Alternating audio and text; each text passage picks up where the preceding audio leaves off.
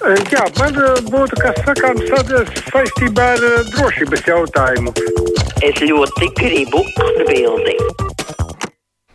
Ko nu varēšu to atbildēšu, bet ko teiksiet jūs to dzirdēšu? 6722, 888, un 672, 559, tie tātad mūsu tālruņa numuri, un caur mājaslapu arī sūtiet savu sakāmo, ko tad gribat pateikt. Halo! Labdien! Labdien!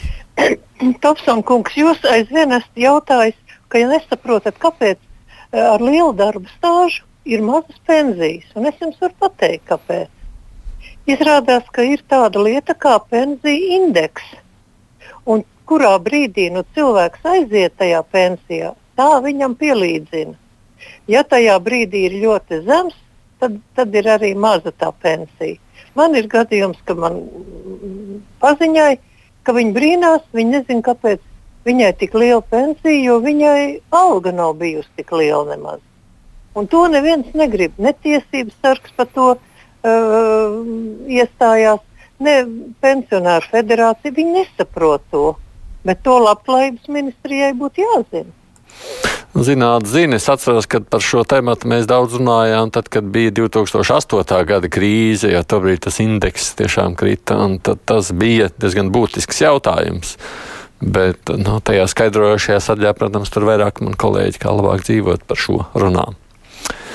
Zariņkungs savukārt iesaka tēmu par vienu centu monētu izņemšanas sakarā cenu izlīdzināšanu. Es šodien liku mēnešu pirkums grozā un ievēroju to, ko mēs zinām visi, ka 90% cenas beidzas ar 0,99. Jautājums, kā šis patiesi visas cenas tiks nolīdzināts. Tātad praktiski iznāks masveida cenas pielikums katrai precē pa centiņu un katrā pirkuma reizē tur būs jauks iznākums. No sīk naudas, protams, jāatsakās, bet nu, tāds interesants iznākums būs, saka Zariņkungs. Nu, jā, es gan pieļauju, ka arī šis cents, kāpēc bieži vien parādās, ir tāpēc, ka, lai atstātu kādu psiholoģisko efektu. Un es esmu diezgan arī pavērojis, ka nav vairs tikai 99, no jau ir 95, 90 un tā. Katrs, protams, atkarībā no preces cenas mēģina šādā veidā arī ar to regulēties. Tā, pakaļam klausuli, halo! Sveiki, Aidi! Sveicināti! Vai mēs dzīvojam Padomju Savienībā, jau Eiropas Savienībā?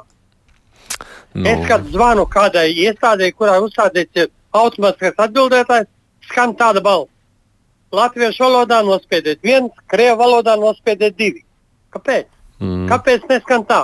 Latviešu valodā nospiediet viens, angļu valodā nospiediet divi, citā valodā nospiediet trīs. Man tā būtu jābūt. Es gan nesen zvanīju, un mēģinu atcerēties ātrumā, uz kur iestādes tikko nesen zvanīju, un kur bija šie, šādi. Man liekas, tā bija kāda medicīniskā iestāde, kur bija sākumā latviešu un tad angliski. Bet es piekrītu, man arī tajā brīdī, tik līdz parodās šī nu, valodas izvēle, mani tas jā, apbēdina, tacīsim to tā. Es par to ķirša teātri, Jānis raksta, varētu padomāt, ka domas priekšsādātājs nezina, kas un ko dara domē. Cirks vienkārši. Nu, jautājums, ko mēs tālāk ar šo secinām. Tā, halo! Jā, lūdzu. Labdien! Labdien. Uh, noklausos uh, pa te, radio, pa televizoru, par to krievu valodas lietošanu masu mēdījos. Lai tik cilvēki eh, beidz eh, ākstīties, tie, kas klausās Krievu, Krieviju, tie klausīsies. Uh, vienalga, vai latviski, te, latviešu, pārraidi latviešu vai krievu valodā. Uh, krievu, latviešu valodu saprot visi. Nevajag viņus taisīt par muļķiem krievus. Vienkārši viņi neklausās to latviešu valodu televizoru. Mm -hmm, bet ko darīt, lai viņi klausītos vai, ne, vai skatītos?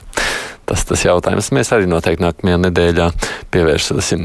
Loreta, man kolēģis raksta, ka par tām pensijas indeksācijas lietām viņiem būs skaidrojums, kā labāk dzīvot pirmdien, 9. oktobrī. Tātad, zināt, raidījums ir no 9 līdz 10. Nu, tad šajos pensiju jautājumos izmantojiet iespēju, jautājiet, izmantojiet uh, variantu arī uzdot savu jautājumu. Atgādini tātad pirmdienas raidījumā, kā labāk dzīvot. Halo! Labdien! Labdien. Sakiet, lūdzu, kā mēs Ukraiņu kanālus redzēsim pēc šo krievu valodas aizliegumu. Ukraiņas jau neviens nesaprot. Jā, es arī esmu par to domājis. Nē, nu šajā gadījumā jau nav runa par kanālu tādu veidu aizliekšanu, te ir runa par to, vai mēs sabiedriskos medijus atstājam raidoši krievlodā vai nē. Mums jau Ukraiņu kanāli arī šobrīd ir, un tur nav runa par to. Tā kā tā. Par Latviju energo telefonu 8400. Numurs nav bezmaksas. Es, kad sazvanu, man jānoklausās ir Latviju energo reklāma. Un tad pēc reklāmas man paziņo, ka gara zvanītāja rinda un man nav opcijas pat gaidīt. nu, tā taču ir totāla necieņa pret klientiem. Jā, tas varbūt tiešām tā arī būtu par enerģētikas jautājumiem vēl Lorēta saka, savukārt rīt būs par saules paneļiem. Tur arī redzījumā par šo tematu kolēģi pievērsīsies. Halo! Labdien! Labdien! Vakar bija skolotāja diena. Jā. Sveicu vakar ar prezidenta apsveikumu, kuru, kurš bija publicēts 28. augustā tā, nu, šos, uh, sociālajos tīklos. Ja? Jā. Nu, es piederu pie, pie tās kastes, viszemākie mēs esam. Mums, veciem, mums nav iespēja nekādi pašiem dzirdēt. Un tāpēc es domāju, kāpēc šo ārkārtīgi vērtīgo, dziļo, intelektuālo, visādā ziņā interesanto un patīkamu prezidenta apsveikumu skolotājiem. Uh, Viņš pat atcerās savus labus skolotājus. Jo parasti jau vispār saka, vai man bija labs lat latviešu valodas skolotājs, bet vārdu un uzvārdu neviens nezina pateikt. Bet prezidents savā vēstījumā ir mācējis pateikt. Un lūk, šis lieliskais apsveikums, tas vispār kaut kur ir pazudis kaut kur ikdienībā. Un es domāju, kāpēc mēdī tik ārkārtīgi vairās no tā, lai parādītu mums, mums tiem, nu, tiem at, at, at, at, atpalicējiem, ja, e, to skaistumu, kas ir, e, kas, kuru rada un, un, un dziļumu, kuru rada mūsu prezidents bet kaut kādā veidā tas mums tiek paiet, gar, paiet garām. garām. Nu, prezidents jau izplatīja sociālos tīklos, tāpēc ar to domu, lai tas arī būtu sociālā tīkla auditorijai droši vien. Medija jau savukārt izvēlas, kurā brīdī uzrunāt vai neuzrunāt prezidentu. Bet jūs teiktais man ierosināja atcerieties savus latviešu valodas skolotājus, Teriņas kundzi, nu, kur gan laikam ir jau pensijā, un Sarmīta Rūža, kas joprojām zina strādā kā skolotāja, man vismaz tā šķiet. Tā kā es esmu ar viņām ļoti pateicīgs par to, ko viņas ir devušas man.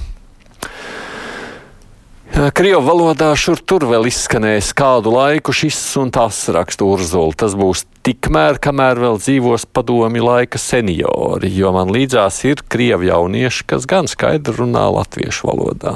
Tā mums domā Urzulas kundze. Halo! Labdien! Labdien! Es gribēju lūgt latviešiem, lai beidz klausīties par to krievu valodu. Ja ir izvēle, tad izvēle. Izvēlies latviešu valodu un viss. Redziet, Kostaņiecki tik ļoti daudz cietuši, un viņi saka, un viņi par tos pārdarījumus ir piedevusi. Ja? Un es domāju, labi, ka tagad latviešiem ir ko kasīties uz tiem krieviem. Citādi latvieši jau arī kašķīgs pēc dabas, tad viens otru apēst. Mm. Paldies! Paldies! Nu, redz, viedoklis arī šāds. Es dzīvoju Austrijā, bet klausos ziņas latviešu valodā, vai es esmu kā krievs. Interesēs vārds. Jā. Halo! Labdien! Labdien! Es par pelēko ekonomiku gribēju. Man tāds nesaprotams jautājums, kāpēc vienmēr tiek vainot nodokļu maksātāji pelēkās ekonomikas uh, sakarā. Ja būtībā pelēkā ekonomika jau ir sekas, vai tad ne? Sekas tam, ka uh, eh, tas viss notiek sadarbībā ar kontrolējušām iestādēm. Jo, ja iekontrolējušās iestādes uh, neņemtu un nebūtu korumpētas, tad šī paliekā ekonomika ilgtermiņā nemaz nevarētu pastāvēt. Viņa nu, dabiskā veidā tiktu apkarota. Nu, par to gan es neesmu pārliecināts. Nu, tad ir jāliek jau kāda veida pierādījumi. Nu, iemesls droši vien, kāpēc šajā brīdī var uz darba ņēmējiem lūkoties ar lielāku atbildības sajūtu, tāpēc, ka nu, atšķirībā no tiem laikiem, kad bija 90. gadi, kad darbs bija milzīgā vērtē, šobrīd jau darbu atrast nav grūti. Tāpēc jau arī darba devējs, darba ņēmējs var diktēt noteikumus, un tas ir viņa interesēs, lai viņš arī būtu sociāli nodrošināts, ja mēs to paši, protams, apzināmies. Un ne tikai paši rūpējamies arī galu galā vienalga par citiem, kuriem ir svarīga šī naudas saņemšana. Man ir tāda sajūta, ka Putins jauno gadu nesagaidīs savā krēslā, raksta mums klausītājs Aivars. Tā nojauta ir tik spēcīga kā nekad. Protams, es savas domas balstu uz ievākto informāciju sociālajos tīklos. Lai nu būtu Aivar, mm, es vairāk kā, nu, ceru uz to nākamo gadu. Tīpaši tad, kad būs beigušās vēlēšanas un viņš būs atkal šķietam ievēlēts, ka tad varētu kas mainīties. Bet, nu, protams, jo ātrāk, jo būtu labāk. Halo! Labdien! Labdien! Gribētu padalīties ar savu novērojumu vakar televīzijā, TV net, ja, kur turpināja mūsu šleferu. Šlefers sēdēja kā karalis, rokas sakrustojas uz rokām un saka, ka viņš tagad vāks parakstus, lai atlaistu saimi. Un pats viņš stāsies priekšā un vadīs saimi ar burkānu un pātagu. Nu, vēl tikai trūkst oreola ap galvu. Nezinu, te karikatūriem būtu ko, nu, ko uzrakstīt un parādīt visiem, kā mūsu šlefers sevi rekomendē. Ziniet, būtu smieklīgi, ja nebūtu tik bēdīgi. Mm -hmm. Paldies! Nu. Katrs jau mēs esam politikā, nu, citādi uzvedāmies, tā uzvedas Šleserkungs. Saprotu, ka jūs noteikti nebūsiet par, viņas, par viņa vēlētāju. Man tiešām sāk apnikt tā prezidenta pielūgsme, raksta Agnese. Jā, viņš ir labs prezidents, lai strādā, bet tā jūsmošana un pielūgsme man atgādina autoritārus režīmus. Nu, gan jau tik tā, ka vēl nav. Halo! Halo. Labdien! Labdien! Man ir divi jautājumi, tāda nu, pārdomām. Pirmais ir, kad no bērna dārza, no mazotnes bērniņiem mācāmies tagad latviešu valodu.